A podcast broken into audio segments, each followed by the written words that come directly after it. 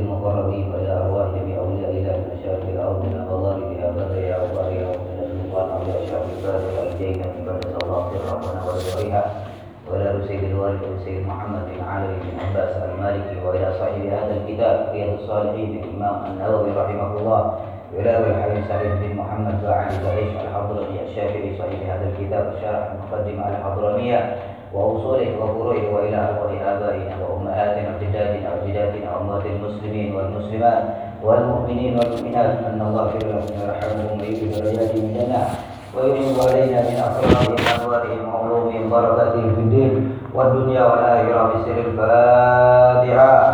أعوذ بالله من الشيطان الرجيم. بسم الله الرحمن الرحيم. الحمد لله رب العالمين.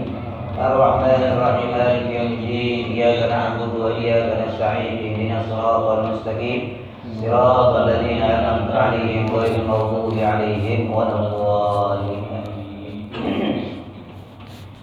بسم الله الرحمن الرحيم. الحمد لله والصلاة والسلام على رسول الله سيدنا محمد بن عبد الله صلى الله عليه وآله وصحبه ومن والاه ولا حول ولا قوة إلا بالله. سبحانك لا علم لنا إلا ما علمتنا إنك أنت العليم الحكيم. رب اشرح لي صدري ويسر لي أمري واحلل عقدة من لساني يفقه قولي. فكشفنا عنك غطاءك فبصرك اليوم حديد اللهم صل وسلم وبارك على سيدنا وحبيبنا وشفيعنا رسول الله سيدنا ومولانا محمد. الفاتح لما أغلق والخاتم لما سبق وناصر الحق بالحق والهادي إلى صراطك المستقيم وعلى آله وصحبه حق قدره ومقداره العظيم أما بعد الحمد لله والشكر لله kita masih diberi sehat oleh Allah Subhanahu wa taala jasmani dan rohani kita. Semoga kita semua insyaallah dijadikan orang yang istiqomah di dalam ibadah kepada Allah Subhanahu wa taala. Amin ya rabbal alamin. Segenap pengurus jemaah musalla Ar-Rahmah yang dimuliakan oleh Allah. Kenikmatan yang sangat luar biasa yang Allah berikan kepada kita. Insyaallah mudah-mudahan kita dijadikan hamba yang bersyukur kepada Allah. Ya. Lanjutan daripada kajian kita masih di dalam bab di dalam kitab Riyadhus Shalihin ya, di dalam bab ikhdarun niyah. Bab fil ikhlas, ikhlas wa niyah dan menghadirkan hati. Artinya khusyuk kita kepada Allah, ikhlas kita kepada Allah Subhanahu wa taala. Ibu-ibu jelas kan suaranya di luar? Jelas ya? Begini jelasnya. Jelas ya? Jelas. Alhamdulillah. Sampailah kepada hadis Nabi Muhammad sallallahu alaihi wa alihi wa sahbihi wasallam diriwayatkan an Abi Abil Abbas Abdullah bin Abbas radhiyallahu anhuma an Rasulillah sallallahu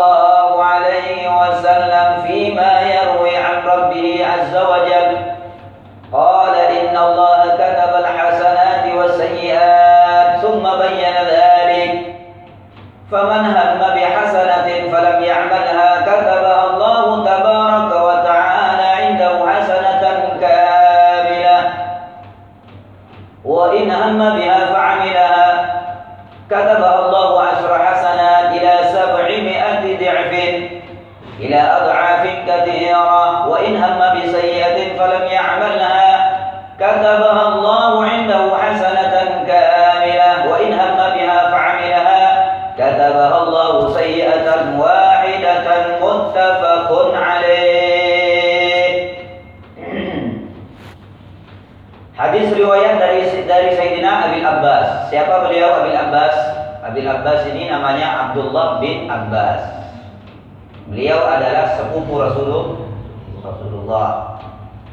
Ya. Abbas bin Abdul Muttalib. Ayahnya Rasulullah siapa namanya? Abdullah bin Abdul Muttalib. Ya. Jadi ini sepupu Rasulullah, Sayyidina Abbas. Sayyidina Abdullah. Abbas ini berarti ya, pamannya.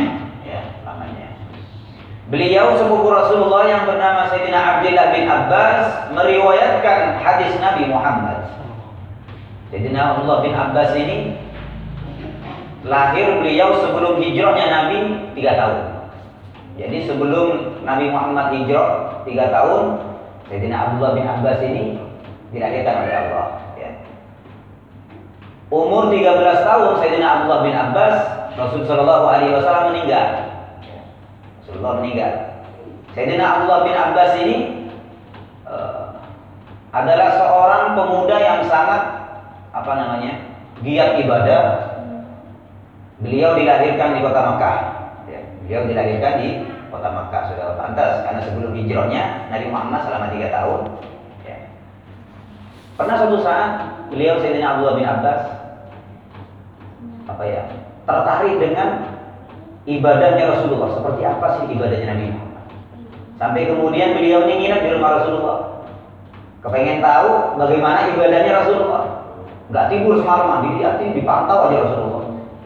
Ketika Nabi Muhammad di uh, pertengahan malam beliau terbangun Rasulullah untuk sholat malam. Kemudian Sayyidina Abdullah bin Abbas segera mengambilkan air wudhu untuk Rasulullah. Kemudian ketika melihat Nabi Muhammad, Sayyidina Abdullah bin Abbas menyiapkan air wudhunya Rasulullah, Nabi berkata, engkau tidak tidur ya Abdullah? Tidak ya Rasulullah. Kemudian dilus kepalanya Sayyidina Abdullah bin Abbas ini.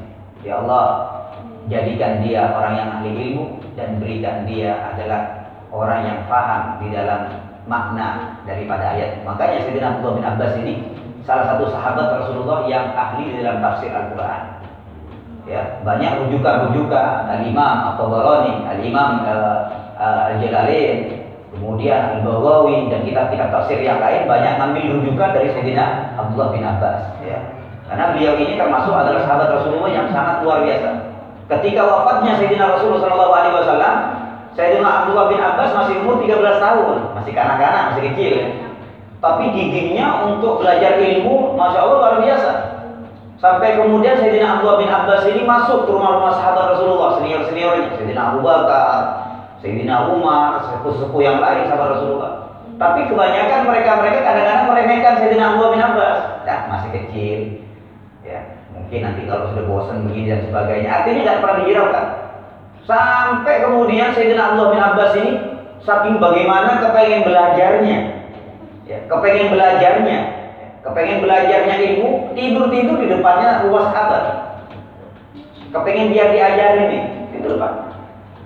Sebagian mereka ya, saya tidak Abdullah, mestinya aku yang datang kepadamu.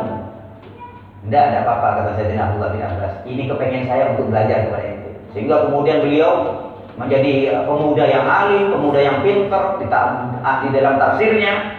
Sehingga ketika ada rapat-rapat sesepuh-sesepuh sahabat Rasulullah, mesti di antara pemuda yang diundang adalah Sayyidina Abdullah bin Abbas karena beliau jenius otaknya, ilmunya banyak. Ya. Ketika Sayyidina Abdullah bin Abbas ditanya, ya Sayyidina Abdullah bin Abbas, dari mana engkau, bagaimana metode caramu mendapatkan ilmu yang banyak seperti ini? Apa kata Sayyidina Abdullah bin Abbas? Lidah yang tidak pernah bosan untuk bertanya. Lidah yang tidak pernah bosan untuk bertanya. Maka ada bapak mengatakan, malu bertanya sesat di mudah-mudahan insya Allah mudah-mudahan kita padang hati kita insya Allah ya. ya. beliau wafat di uh, umur 70 tahun. 70 tahun umurnya beliau wafat di Taif. Taif ini adalah nama kota. Pasnya itu di daerah Hadad Hadad ini puncak. Kalau di Jakarta ini puncak ya. Puncak dingin. Masya Allah luar biasa. Taif ini tempat tempat hiburannya orang liburannya orang Arab Saudi ya kalau nggak di Eropa di di Toib di Hadad ya naik ke atas. Toib ini kalau bagian bawah masih masih panas tapi kalau naik ke atas itu dinginnya luar biasa ya. Hasim pernah nyampe ke sana ya? Insya Allah semuanya nyampe semua Insya Allah dia kepada Sayyidina Abdullah bin Abbas. Di sana magomnya Sayyidina Abdullah bin Abbas yaitu di Toib ya. Beliau meriwayatkan dari satu hadis Nabi Muhammad sallallahu alaihi wasallam, "Fima yarwihi an rabbih azza wa jalla." Fima dari sesuatu yarwi yang meriwayatkan Nabi Muhammad an Rabbihi azza wa jal dari Allah subhanahu wa ta'ala. Berarti hadis ini adalah hadisul qudsi. Hadisul qudsi. Jadi istilah hadisul qudsi ini jemaah yang dimuliakan oleh Allah ibu-ibu ada hadis yang ucapan Nabi Muhammad itu hadis. Ada hadis apa ya itu namanya perbuatan Rasulullah itu juga hadis. Ada hadis yang namanya ikrarnya Rasulullah itu juga dikatakan hadis. Ya. Jadi dikatakan hadis itu kalimat hadasa, hadisa, ayo atau hadasa atau hadis itu ucapan kalimat. Maka jadi hadis itu kalimat. Ucapannya siapa? Nabi Muhammad. Nah, hadis ini ada tiga macam dalam ilmu sholat. Ya, ada ucapan Rasulullah, ada kaul Rasulullah, wa fi'il Rasulullah, wa takrir Rasulullah. Per ucapan Nabi Muhammad ya seperti ucapan bahwa Rasulullah Shallallahu Alaihi Wasallam innamal a'malu binniyat itu namanya hadis. Ada perbuatan Nabi Muhammad yang dilakukan oleh Rasulullah Shallallahu Alaihi Wasallam seperti apa? Seperti baju putih. Nabi Muhammad sama pakai baju putih. Pakai apa lagi? Nabi Muhammad pakai cincin. Itu nama termasuk daripada perbuatan. Sholatnya Rasulullah sekalipun Nabi Muhammad tidak perintahkan contohnya itu juga termasuk hadisnya Rasul Shallallahu Alaihi Wasallam. Ya. Jadi sunnah lah dalam artian sunnah. Ya. Makanya kadang-kadang melakukan sunnah Nabi Muhammad itu adalah kaul wa Ada ucapan dan juga ada perbuatan. Di antara sunnah Nabi Muhammad perbuatan yaitu kelakuannya seperti ini. Pakai baju buat peci walaupun tidak sholat tapi kalau pakai baju baju putih niat Nabi Muhammad niat ikuti Rasulullah maka selama dia pakai baju putih dia dapatkan pahala dari Allah. Ya, makanya baju putih itu luar biasa ya. Ya, luar biasa. Itu hadis ya, itu hadis. Ada ikrar. Ikrarnya Nabi Muhammad ini ketika ada sahabat ber, berbuat sesuatu, Nabi Muhammad hanya diam saja. Tapi menyetujui bahwasanya itu adalah perbuatan yang baik, itu termasuk juga hadis Rasul Shallallahu Alaihi Wasallam. Ya, itu ada di dalam ilmu mustalahul hadis. Ada kitab Abu Yasir Muhammad segini. Itu dasarnya ilmu daripada mustalahul hadis. Ya. Baik. Pelajaran mustalah itu ya. Ya, ini termasuk daripada hadis yang berikutnya yang kita akan baca ini adalah hadisul qudsi. Ya. Hadisul ini derajatnya lebih tinggi daripada riwayat Imam Bukhari dan Muslim. Lebih tinggi riwayat Imam Bukhari dan Muslim. Jadi hadis ini ada tingkatan. Di atasnya di atasnya hadis ada Al-Qur'an. Al-Qur'an. Di bawahnya Al-Qur'an baru ada sunnah yaitu hadis Nabi Muhammad. Di dalam tingkatan hadis ini yang paling tinggi, yang paling bagus derajat kesahihannya yaitu hadisul qudsi. Kenapa sebabnya? Karena sebabnya maknanya dari Allah, lafadznya dari baginda Nabi Muhammad. Jadi hadis yang akan kita baca ini kalau kita bicara hakikatnya, hakikatnya dari Allah, tapi pengucapannya dari Nabi Muhammad. Nabi Muhammad. Apa yang dikatakan oleh Allah? Yang juga yang dilafazkan oleh baginda Nabi Muhammad, Inna Allah katabal hasanat sesungguhnya Allah Subhanahu wa taala kataba menuliskan mencatat al hasanati kebaikan wasayyiati dan kejelekan. Ada baik ada jelek. Jelek itu sudah jelas sudah diajarkan oleh Allah. Baik seperti apa buruk seperti apa. Sampai Allah dalam Al-Quran mengatakan al-halalu bayyinun wal haramu bayyinun. Halal itu sudah jelas yang haram pun juga sudah jelas kalau sudah jelas homer, jangan ditanya ini haram apa enggak. Itu namanya dikatakan ala halal bayyinun wal haramu bayyinun. Kalau namanya mencuri jangan ditanya lagi Ustaz, mencuri kira-kira baik apa enggak? Enggak usah ditanya, itu namanya ala halal bayyinun wal haramu bayyinun. Ya.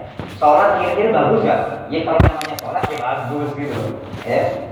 Nah, kalau dikir bagus enggak? Enggak ada ceritanya dikir enggak bagus. Udah perintah Allah Subhanahu wa taala ala dzikrillah tatma'innul qulub. Jadi Allah Subhanahu wa taala telah menentukan kebaikan dan keburukan. Tsumma bayyana dzalik, kemudian Allah menjelaskan semua itu di dalam Al-Qur'an jelasnya, di dalam Al-Qur'an. Ya. Faman hamma bi hasanatin kata Nabi Muhammad barang siapa orang yang mempunyai keinginan, dalam bentuk keinginan, bihasanatin dengan perbuatan baik niat. Kalau itu niat. Bahasa bahasa jelasnya niat. Ada niat. Ada keinginan. Ya. Insya Allah dah minggu depan saya mau ngaji dah. Insya Allah minggu depan saya mau alami Al-Quran. Itu namanya niat ya niat. Mungkin kalau sekarang lagi sibuk dan sebagainya minggu depan saya mau mengatakan Al-Quran. Niat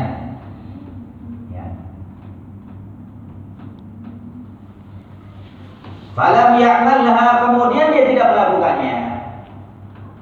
Gak jadi dia ngerjain gak jadi niat doang. Wah itu mbak niat ngomong doang gak bakal hadir dari kemarin-kemarin ngomong doang. Tapi nyatanya memang dia niat. Ya. Dia niat benar tapi ada hal-hal yang yang membuat dia tidak bisa hadir, ya sakit atau kesibukan-kesibukan yang lain yang tidak tidak bisa ditinggalkan. Kata Allah, kata Allah taala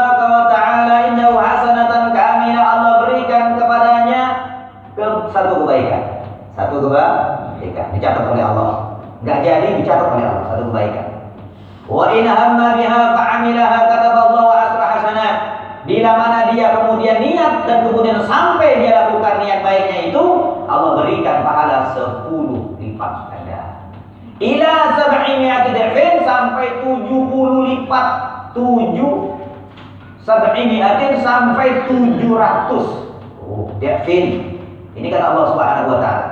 Hambaku yang niat baik, dia tidak melakukan perbuatan niatnya itu, Allah berikan satu. Tapi jika, jika sampai dia melakukan, diberikan 10 kali lipat sampai 700 lipat ganda ila ad'afin katsiratin kata Allah Subhanahu wa taala kata Nabi Muhammad yang dilafalkan ini sampai kemudian berlipat-lipat yang begitu banyak tidak mengetahui jumlahnya kecuali Allah Subhanahu wa taala. Itu namanya seperti Nabi katakan an, apa, apa namanya niatul mukmin khairun min amalihi niatnya orang mukmin itu lebih bagus daripada amal perbuatannya. Makanya banyak-banyak niat. Banyak-banyak malam contoh lah antar malam saya mau tahajud kemudian kesiangan maka dia dapat pahala daripada Ya, jika dia melakukannya dilipat gandakan oleh Allah wa in hamma bihadhi sayyi'atin kemudian jika engkau kata Allah Subhanahu wa taala yang dilapatkan oleh Nabi Muhammad dalam hadis kutsinya menginginkan berniat untuk melakukan suatu perbuatan maksiat maksiat. Malam minggu besok ngobrol saja dulu deh. Contohnya contoh ya. Nggak tahu kodenya bagaimana kode kode udah orang sekarang bagaimana. Gak mungkin jelas saya minum homer lah ada ya. Ada mesti ada kode-kode bahasanya. Ya. Kalau sekarang, eh kita gimana ngetek gimana kayak bahasa sekarang ada kode bahasa. Ya. Yang jelas ada orang niat untuk melakukan suatu perbuatan buruk. Ya. Kata Allah, falam ya'malha kemudian dia tidak melakukannya. Niat maksiat kemudian dia tidak melakukannya, tidak sampai dia melakukannya. Ya. Entah apa sebabnya, sebabnya kemudian keduluan ditangkap polisi atau atau mungkin dia ada urusan lain dan sebagainya kata bahwa indahu hasanatan kamilah Allah berikan kepadanya satu kebaikan. Coba? Bayangkan coba. Orang yang berniat baik dia tidak melakukan kebaikan Allah berikan satu kebaikan. Orang yang niat buruk tidak melakukan dengan keburukannya ya. Allah berikan satu kebaikan. Gagal dia akan melakukan maksiat, Allah berikan satu kebaikan. Wa in hamma biha fa'amilaha kataballahu sayi'atan wahidatan. Jika dia kemudian sampai melakukan maksiat itu, Allah berikan satu keburukan. Dan dipadandakan oleh Allah. Kecuali di Masjidil Haram Mekah dan Masjidil Haram Madinah. Di sana orang berbuat baik dilipat gandakan 10 bahkan lebih daripada 10 bahkan beratus-ratus. Ada yang mengatakan sholat di di mana di di Masjidil Haram Mekah itu pahalanya 1500 sholat di Madinah pahalanya 1000 sholat di Baitul Maqdis pahalanya 500 Hah? itu dia makanya mulia orang di sana itu pak. Orang hidup di Mekah itu mulia. Pahalanya banyak karena dilipat gandakan begitu juga melakukan perbuatan yang buruk dilipat gandakan oleh Allah. Tapi kalau di Ar-Rahmah perbuatan bagus dilipat gandakan, perbuatan buruk tidak dilipat gandakan sesuai amal daripada perbuatan buruknya. Satu perbuatan maksiat diberi ganja, diberi apa namanya ukubah satu saja, keburukan satu. Tapi kalau satu perbuatan kebaikan dilipat gandakan sampai 10 sampai 700 kebaikan. Ya. Alhamdulillah.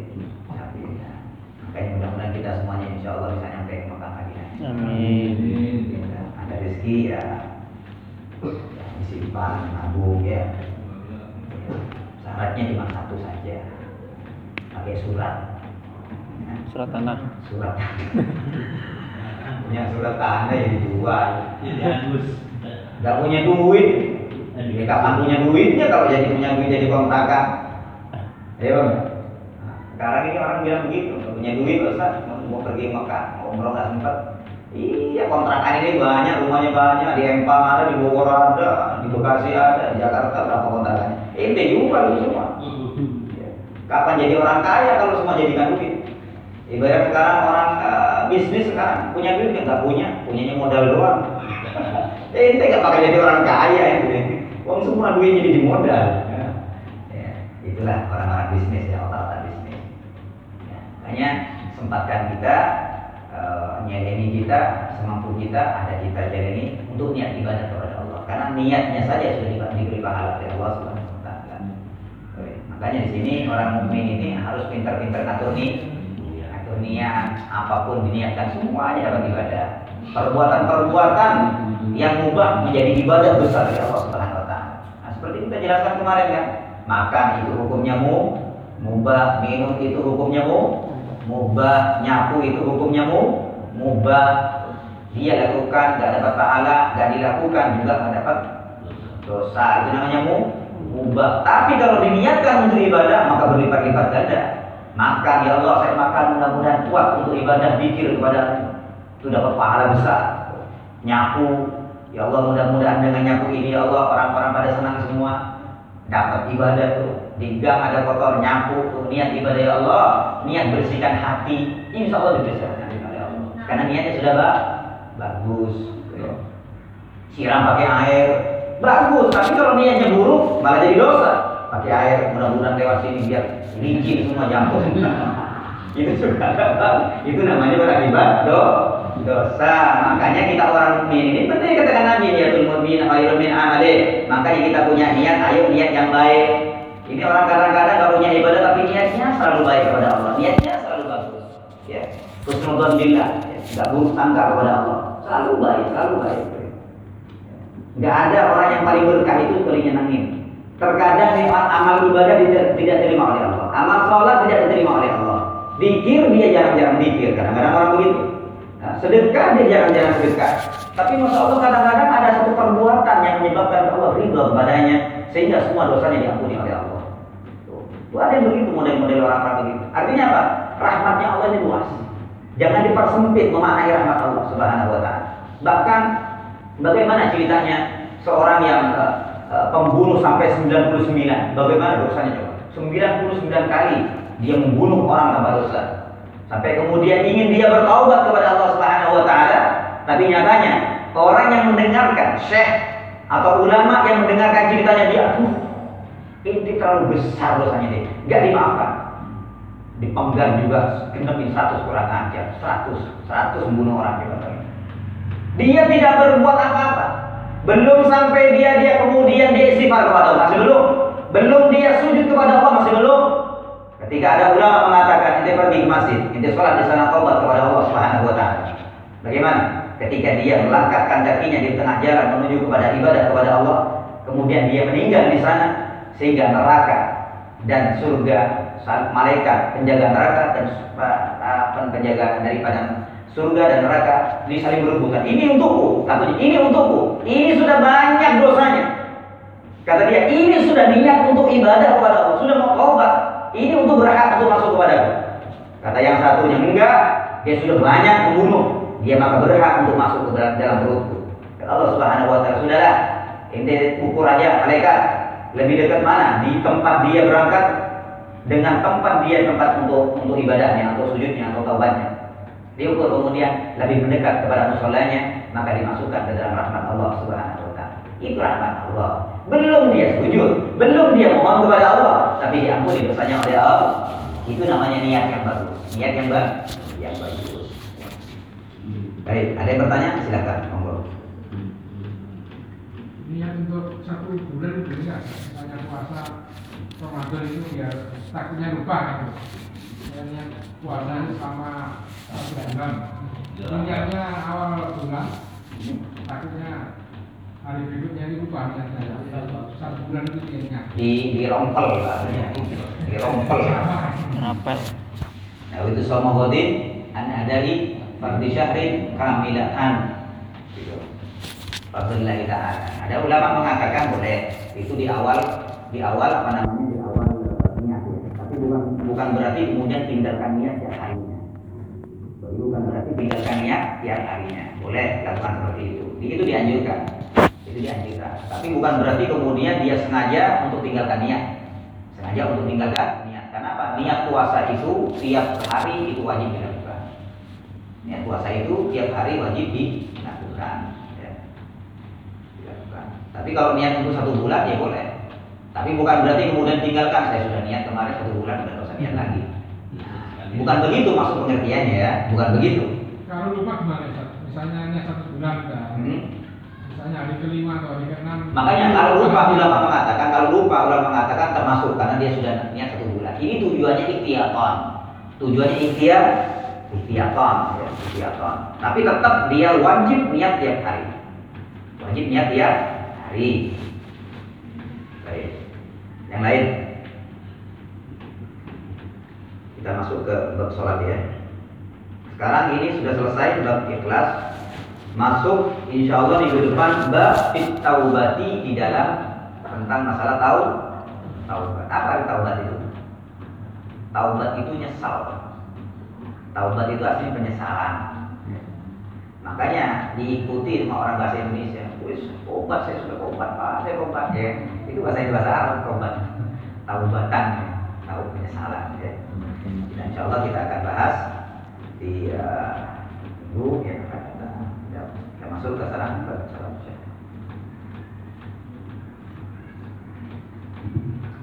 Bismillahirrahmanirrahim. Qala Sayyidil Mu'allif rahimahullahu taala wa nafa'ana bihi wa bi'ulumihi fid dharain amin ila anqal. Sampai kemudian kajian kita di masih di bab ya, masih di bab salat ya, bab salat. Wa yajibu 'ala al-wali wa sayyidi amr sabiy al-mumayyiz biha li sab'in wa darbuhu 'alayha li 'ashrin. Wa yajibu dan wajib. Apa yang diwajibkan? Salat. 'Ala al-wali terhadap al-wali. Wali itu yaitu penanggung jawab. Kalau anak penanggung jawabnya siapa? Orang tua, bapak, ibu, kakek, nenek, wa in ala sampai ke atas. Ya, wa. Wa sayyidi dan juga tuan. Tuan ini berarti maknanya siapa? Bos, majikan, ya, bos kantor, ya, bos kantor. Amrul sobiyi memerintahkan daripada anak kecilnya atau anak didikannya atau anak buahnya atau anaknya. Orang tua perintahkan anaknya untuk sholat. Ya, si bos tuan di kantor perintahkan anak buahnya. Ini kadang-kadang kan kembali sekarang. Ya. Masya Allah demi uang kadang-kadang sholat ditinggalkan. Sudah tahu ini bosnya ini kenceng. Ada sedikit bau-bau uh, apa namanya? Bau-bau komunis atau begitu nggak boleh sholat. Ya. Kalau kita kan enggak.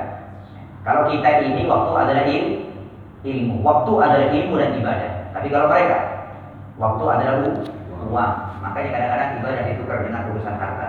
Ya. Wasayyidi dan sayyid tuan, tuan itu perintahkan anak buahnya waktu sholat, ayo tutup dulu, 10 menit baru balik lagi. Begitu. Al-mumayyizi yang anak kecil yang sudah yang sudah balik, yang sudah bisa membedakan antara antara baik dan buruk. Ya. Tapi sekarang kantor-kantor sudah alhamdulillah semua sekarang ya. Kantor-kantor ya, iya di Samsat sudah ada masjidnya, ada pengajiannya. Kita dulu alhamdulillah bagi misi misi tiga tahun di Kementerian BUMN. Dulu masih dahlan iskan, masih di basement dulu masjidnya musolanya. Kemudian sampai bikin masjid, kan, masjid di kementerian itu ada masjid, itu baru belum, lama. Saya ngajar di sana masih belum uh, masih belum apa dibangun masjid. Alhamdulillah, duhur mesti sholat dan habis duhur ada pengajian sampai jam satu kurang seperempat jam karena seperempat jamnya untuk istirahat. Cakep, cakep sekarang alhamdulillah cakep. Ya. Artinya Islam ini berkembang, Islam berkembang, ya. sebenarnya Islam berkembang. Wa yajibu 'alal wali wa sayyidi amr sabiyyi perintahkan anaknya orang tua perintahkan anaknya al mumayyizi biha yang sudah bisa membedakan bagus dan enggaknya. Kira-kira umur berapa? Bisa main untuk umur 7 tahun. 7 tahun kan sudah bisa bedain kan?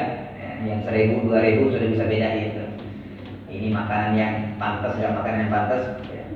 Beda dengan anak yang belum mumayyiz. Ya. Disuruh megang api, api dipegang itu namanya belum mumayyiz namanya. Ya. Mumayyiz. Wabarruhu dan kemudian al ini anak yang kecil. Anak yang kecil. Matahdi benar-benar di umur 7 tahun Ya, 8 tahun itu anak kecil sudah mulai diperintahkan, ayo sholat, ayo sholat, ayo sholat, begitu, diajarkan. Tapi kalau lagi malas sudah biarin aja deh, dipaksa nggak mau, udah biarin aja. Sampai kemudian wabaruhu alaihi ali asrin memukulnya ketika anak kecil umur 10 tahun. 10 tahun. Itu mulai nih, mulai dipukul nih anak, nggak mau sholat dipukul, nggak mau sholat dipukul. Tapi mukulnya harus hati-hati, jangan pakai balok, pakai balok mati anak. eh, balok nggak sholat, pang kepalanya ya, bocor. Artinya di sini bidorbin, memukul di sini wahai mubarrih yang kiranya tidak menyakitkan. Ya pakai lidi kayak lah, lah tiga kali, ya, tiga kali. Jangan yang bilang tongkat.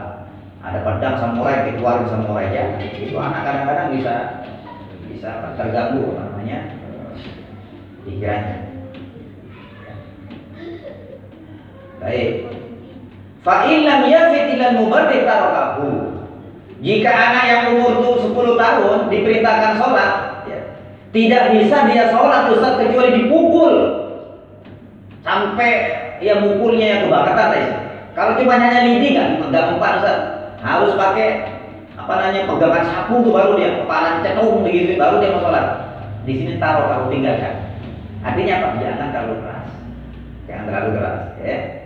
Ini kadang-kadang terobsesi banget jadi orang tua anak harus ahli ibadah. Ya, tapi ya pelan-pelan dulu, pelan-pelan. Satu ini kadang-kadang anak ini agar supaya cepat terbuka hatinya kasih makanan yang hal, yang halal.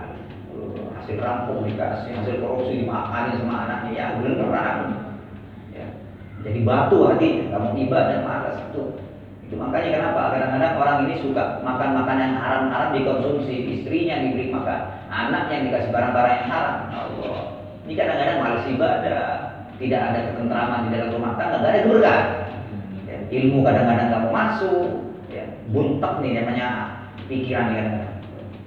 Oh, lihat orang-orang yang suka korupsi anak-anak lihat, ahli ibadah nggak lihat. Hari dunia, dunia, dunia, kejar dunia, dunia, nggak pernah habis-habisnya. Ya, tidak ada rasa cukup berurusan dunia. Fa illam yafid ila al-mubarrih tarakahu wa sunna lil mu'addibi alla yazid ala salabat dan disunnatkan tiga pukulan saja jangan sampai lebih. Lidi tiga kali, plus.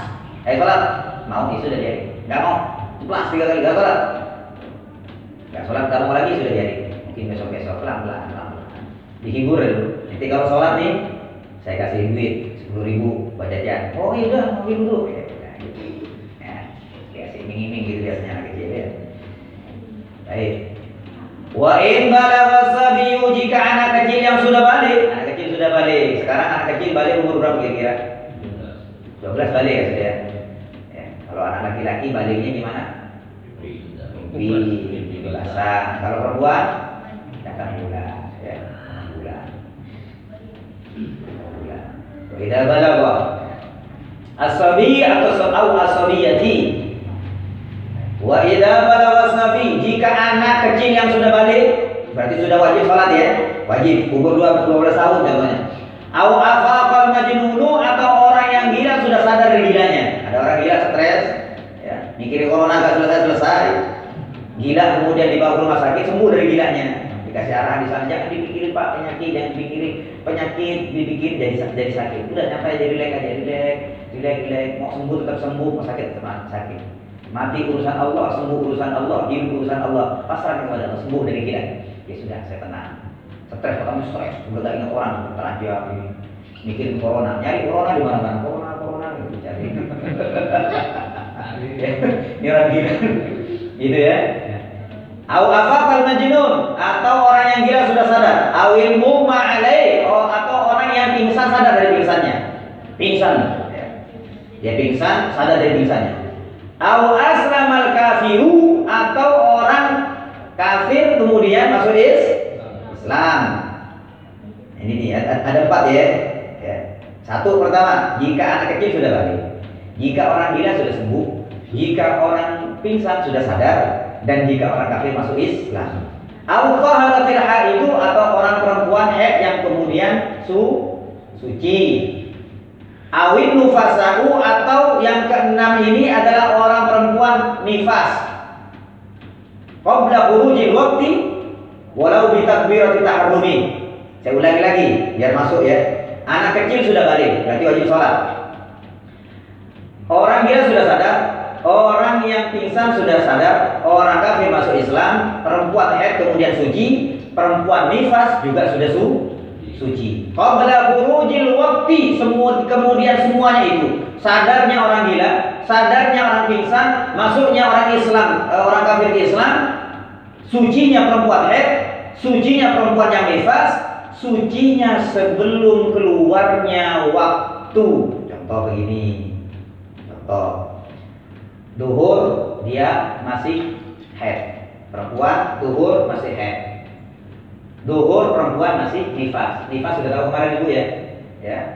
Darah yang keluar setelah melahirkan nifas ya. Anak kecil duhur atau setelah duhur jam 1 dia balik. Orang yang gila jam 1 dia dia sembuh. Orang yang pingsan jam 1 siang dia sadar. Sampai kemudian atau sebelum asar 10 menit. Sebelum asar 10 menit yang gila sembuh, yang pingsan uh, sadar, yang head suci, yang nifas suci dan sebagainya, yang anak kecil sudah balik, walau takbirati tahrumi wajib al-qada'u bi syarti baqa'i salamati minal mawani. Kalau sampai tidak dia sholat, maka wajib mengqada'i sholatnya. Ya. Dia tidak sholat. Ada waktu untuk sholat. Nah, seperti saya terangkan kemarin tadi ya, sama yang itu ya. Jadi kalau anak kecil sudah balik, asar sebelum 10 menit dia balik, harus segera dia bersuci kemudian sholat. Kalau enggak duhur tadi itu di waktu diwajib dikodok. Perempuan juga begitu ketika dia sembuh atau suci dari dari haidnya atau nifasnya, asar sebelum sebelum asar 10 menit maka bersegera dia kemudian menyucikan dirinya dan kemudian laksanakan salat duhur. Kalau enggak dia wajib mengkodoi salat duhurnya. Ya. Tapi adapun yang ditinggalkan subuh, maghrib sebelum-sebelumnya tidak wajib dikodok, dikodoi. Paham nggak kira-kira ini paham ya? Ada yang bertanya nggak kira-kira? Monggo silakan bertanya. Saya lanjutkan.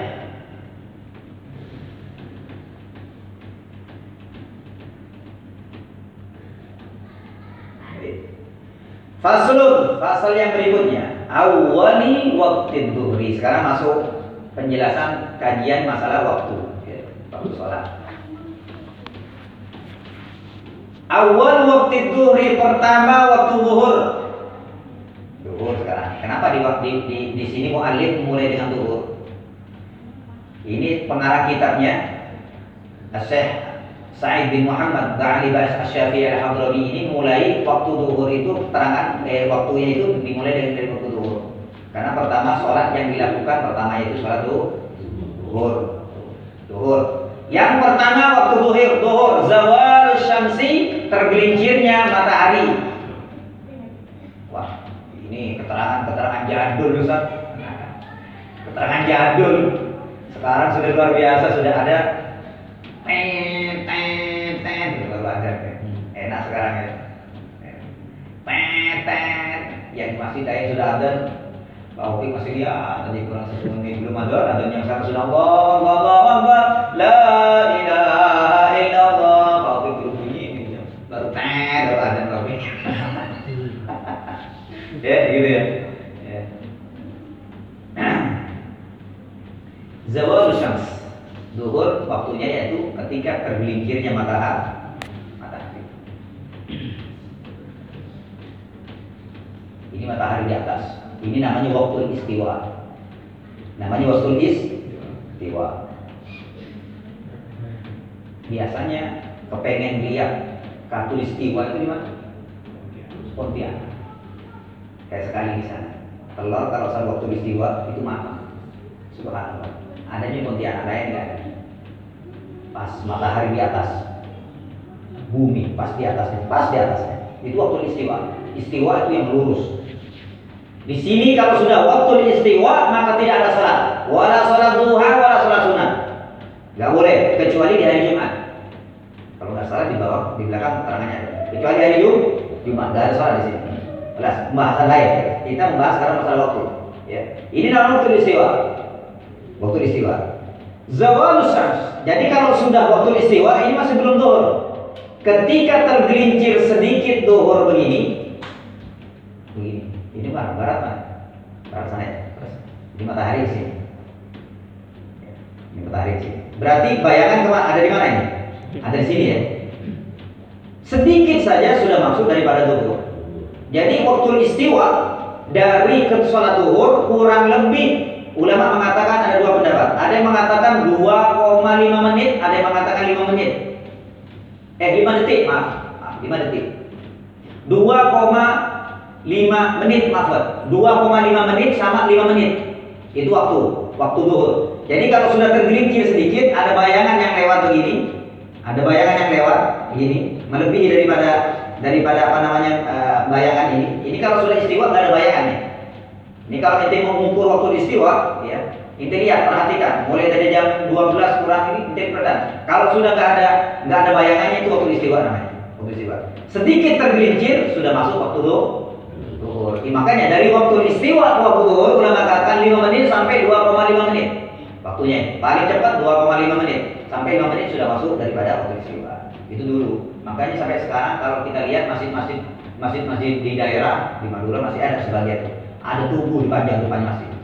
Kayak kalau kalau saya tubuh seperti Monas tapi kecil. Takut untuk tanda waktu. Untuk tanda waktu. Kira-kira, kira-kira. Kemudian sampai kapan? Wa akhiruhu masiru dhilli kulli syai'in.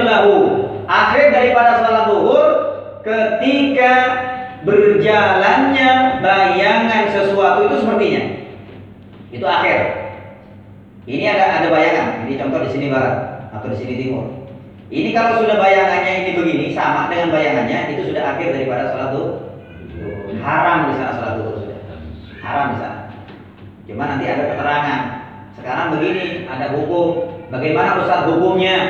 Orang sholat, sholat, Allahu Akbar. Asar, Allahu Akbar, Allahu Akbar. Maka sholatnya tidak dianggap. Itu yaitu sholatnya termasuk rusak, wajib memperoleh sholat duhurnya.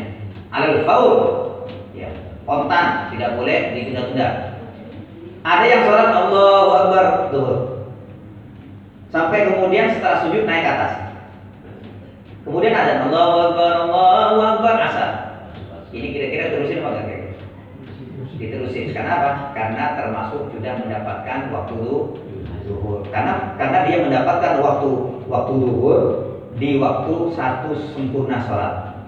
Ini yang dikatakan ro, satu rokaat, rokaat itu kan artinya rukuan. Rokaat ruku. Jadi dia mendapatkan satu ruku sempurna dengan sujudnya, maka dikatakan satu rokaat itu adalah sempurna daripada semua daripada rukun semua daripada sholat, maka dikatakan itu juga dianggap sudah sah daripada sholat zuhur. Lanjutkan, tapi dengan dosa, karena dia sudah melalaikan daripada daripada daripada waktu. Maksiat dia. Maksiat. Itu namanya waktu taharrum waktu yang diharamkan. Makanya waktu sholat itu ada ada uh, awal wabak ada khiyar ada nanti istilahnya waktu sholat ini adalah haram. Ada yang waktu pertama ya pertama waktu Allah Allahu langsung dia segera wudhu ini langsung sholat. Itu namanya awal wabak ada yang waktu khiyar dia milih. So kalau sholat zuhur jam 12 milih. Jam 1 boleh jam 2 boleh jam 3 juga boleh. Ada waktu karoha waktu karoha ini yang sekiranya sudah mepet-mepet. Kurang 10 menit kurang seperempat menit. Di waktu asar itu waktu karoha kalau sudah mepet ya seperti tadi itu itu sudah waktu waktu taharuk waktu yang haram tapi bukan berarti kemudian wajib kodok ketika dia sudah menyelesaikan satu rakaat di dalam sholat zuhurnya kemudian asar masuk maka dia sudah yuk tabar masuk di sholat duhur tapi dengan tetap dia maksiat kepada Allah tapi kalau belum sempurna daripada satu rakaatnya, maka dia batalkan sholatnya dan wajib mengkodoi daripada sholat zuhur. Paham kira-kira? Paham ya? Sebenarnya kan, kan menyimpan.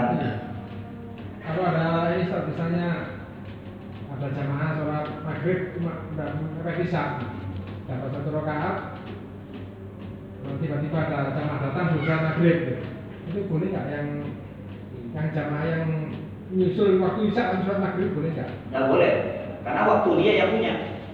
Sholat dia yang punya sholat. Adapun mengikuti imam itu dia hanya mengikuti imam. Kalau imamnya yang yang mendapatkan waktu yang diperbolehkan sekalipun ditaharum, maka dia aja yang mendapatkan, bukan berarti orang yang di belakangnya boleh. Ya, bukan berarti di belakangnya boleh. Yang lain, silakan. Ustaz, eh, akhir waktu sholat duha itu kira-kira jam berapa Ustaz? Akhir waktu sholat duha. Iya. Jadi waktu istiwa, apabila istiwa di uh, seperempat jam 10 atau 10 menit. Berapa jam? Iya, waktu istiwa. Pokoknya kalau duhur jam berapa? Duhur masa jam 12 ya, 12. Duhur jam 12. Berarti kalau duhur jam 12, ambil 5 menit lah waktu istiwanya. Berarti duhur kurang 5 menit. Dari duhur, dari dari duhur kurang 5 menit, tambah lagi 10 menit atau atau seperempat jam. Berarti kurang jam 12 kurang 20 menit. Itu namanya waktu uh, yang tidak diperbolehkan. Duhur itu waktu di sana. Ada yang mengatakan boleh, tapi bil bil karaha. Bil. Kata-kata. Jadi semua sholat itu nanti di sini ada bab haramnya sholat. Ada bab ini haramnya sholat. Tahrumus sholatu diharamkan sholat itu. Sholat diharamkan. Jadi nggak boleh sholat. Jadi nggak semua ibadah itu boleh itu asyik. Nggak semua orang ibadah boleh. Wah saya naik dewi sholat mumpung makanya di sini dibilang apa? Bil al alimu apa? Abdul min alfi abidin. Orang yang alim itu lebih bagus daripada seribu orang ahli ibadah. Yang dipermasalahkan ini jangan salah. Yang ahli ibadah tapi gak, gak paham hukumnya. Jadi begini katakan, habis asar sholat, habis subuh sholat, yang penting sujud dia. Gitu. Bagaimana cara ngitomin jidatnya? ya. Jadi ya begitu. Makanya kenapa kita di sini ditutup belajar agar kita benar-benar tepat sasaran. Enggak semua yang kemudian sholat itu nanti dia pertama yang pertama ditanyakan oleh Allah. Ada ada Nabi katakan, "Awwalu ma yuhasabu al-'abdi as-shalat." Jadi kiamat. Pertama nanti yang ditanya oleh Allah di hari kiamat itu sholat. Kemudian orang yang sedikit gak pernah belajar ini, gak pernah belajar, gak pernah ini tahunya ibadah aja. Tahu ibadah itu warisan. kan ada orang ibadah warisan kan. Gak pernah belajar sebagainya. Jadi sholat aja. Habis subuh dia sholat, waktu ini dia sholat, waktu ini sholat. Maka bukan mendapatkan satu kebaikan, tetapi uh, satu kesalahan dalam ibadah kepada Allah Subhanahu wa taala. Karena di sini syariat Gusti Kanjeng Nabi Muhammad Shallallahu alaihi wasallam memberikan waktu yang tepat. Ada waktu yang bagus, ada yang waktu dari ijabah, ada yang waktu yang tidak diperbolehkan, ada yang waktu yang diharamkan dan sebagainya. Makanya di sini nanti ada bab asal menerangkan tentang tahrumus sholatu diharamkan sholat itu. Ya. Diharamkan sholat di itu di antaranya tadi disebutkan di akhir daripada akhir atau sebelum daripada istiwa sampai waktu istiwa itu tidak diperbolehkan untuk melaksanakan sholat. Break dulu kan break dulu istirahat dulu ya. semua ada waktunya semua ada cukup ya? Cukup ya? Kalau kita lanjutkan di uh, pertemuan. Jadi mudah-mudahan manfaat untuk kita semua. Dan mudah-mudahan insya Allah kita semua dikenalkan oleh Allah Subhanahu Wa Taala. Diangkat penyakit kita oleh Allah Subhanahu Wa Taala. Yang sakit mudah-mudahan penyakitnya disembuhkan oleh Allah. Dan mudah-mudahan yang sehat mudah-mudahan tetap jaga kesehatan. Jaga sehat kita dengan cuci tangan yang bersih pakai masker dan kemudian jaga, jarak bila diperlukan. Jaga jarak bila diperlukan. Mudah-mudahan kita semua insya Allah diberi sehat oleh Allah Subhanahu Wa Taala. Panjang umur sehat walafiat dan batin dan rohani kita dan diberikan ilmu yang bermanfaat untuk kita bisa mengamalkan kita untuk ibadah kepada Allah Subhanahu wa taala. Anak keturunan kita jadikan anak yang soleh dan soleha. Kita insyaallah kita keluarga kita jadikan keluarga yang sakinah, mawaddah warahmah. Amin ya rabbal alamin. Kita semua diberikan panjang umur dan semua diberikan rezeki yang berkah, yang halal, yang banyak dari Allah Subhanahu wa taala. Segala urusan kita dimuliakan di, di, di, di apa namanya? Segala urusan kita dimudahkan oleh Allah Subhanahu wa taala. Doa kita dijawab oleh Allah, hajat kita dikabulkan oleh Allah Subhanahu wa taala. Hadihi dia wa niyatin salihah ila hadratin Nabi bi sirril Fatihah. أعوذ بالله من الشيطان الرجيم بسم الله الرحمن الرحيم الحمد لله رب العالمين الرحمن الرحيم اهدنا الصراط المستقيم صراط الذين أنعمت عليهم غير المغضوب عليهم ولا الضالين Mohon maaf lahir batin. Wassalamualaikum warahmatullahi wabarakatuh. Waalaikumsalam warahmatullahi wabarakatuh.